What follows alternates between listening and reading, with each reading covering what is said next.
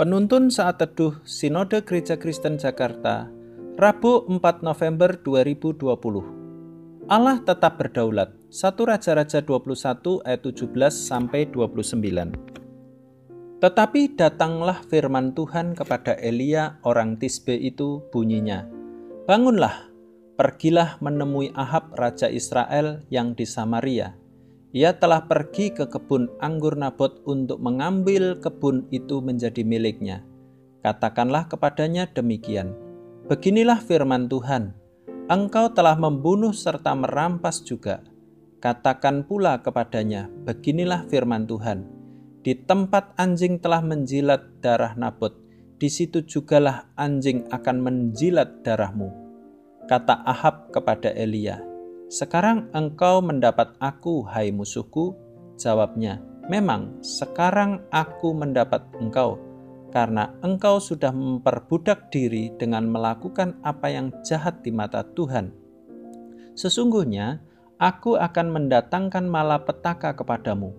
Aku akan menyapu engkau dan melenyapkan setiap orang laki-laki dari keluarga Ahab, baik yang tinggi maupun yang rendah kedudukannya di Israel dan aku akan memperlakukan keluargamu sama seperti keluarga Yerobeam bin Nebat dan seperti keluarga Baesa bin Ahia oleh karena engkau menimbulkan sakit hatiku dan oleh karena engkau mengakibatkan orang Israel berbuat dosa.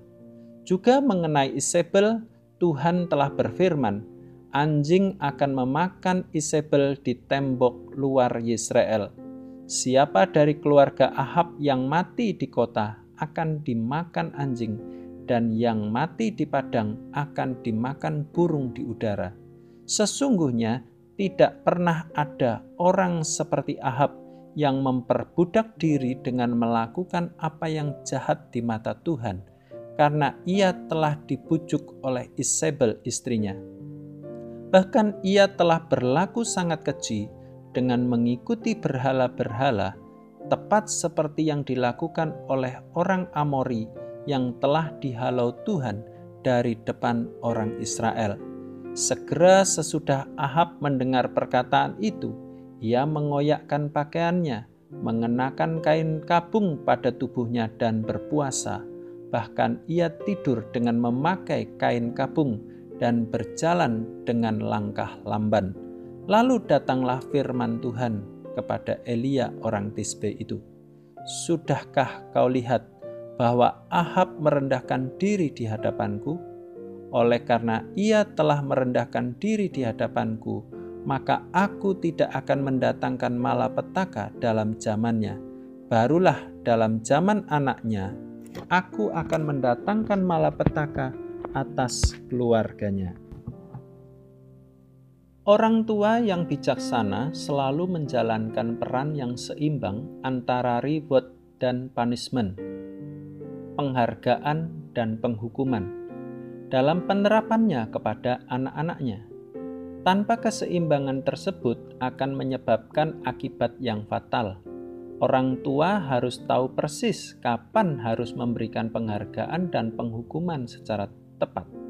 Sebagai contoh, anak-anak yang melakukan hal-hal positif, baik dan berprestasi, maka orang tua tidak pelit memberinya apresiasi. Sebaliknya, saat anak-anak melakukan hal-hal yang salah, buruk, dan tidak terpuji, apalagi yang bejat dan berdosa, maka orang tua harus berani dan tegas untuk memberikan pendisiplinan yang tepat. Allah seolah-olah diam dan tidak mencegah kejahatan Ahab dan Isabel, sehingga Nabot akhirnya tewas karena kejahatan mereka. Benarkah Allah tidak peduli dan tidak berdaulat dan hanya diam saja? Tentu tidak. Dalam 1 Raja-Raja 21 ayat 17 sampai 29 menjelaskan bahwa setelah Nabot mati karena dituduh dengan tuduhan palsu, yaitu mengutuk Allah dan raja, kemudian dirajam dengan batu. Seketika itu juga Ahab langsung menguasai kebun anggur Nabot.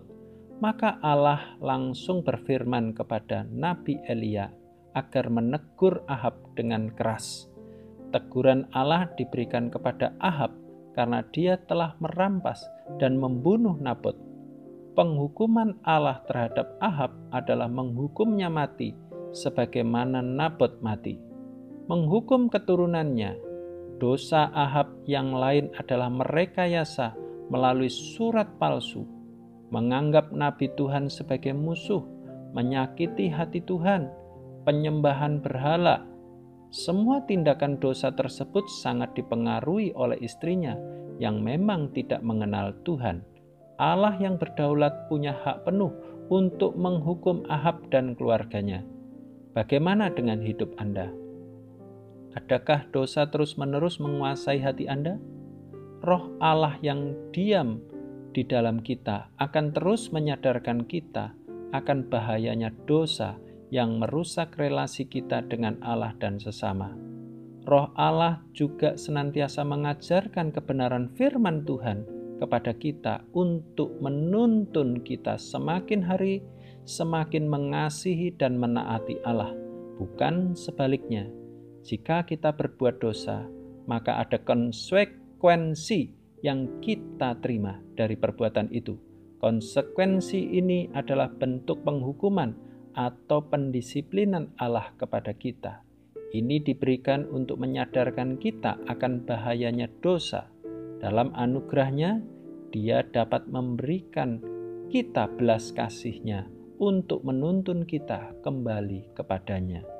Allah yang berdaulat adalah Allah yang mau supaya dosa dibereskan sampai ke akar-akarnya karena bisa menyebabkan dampak yang sangat serius.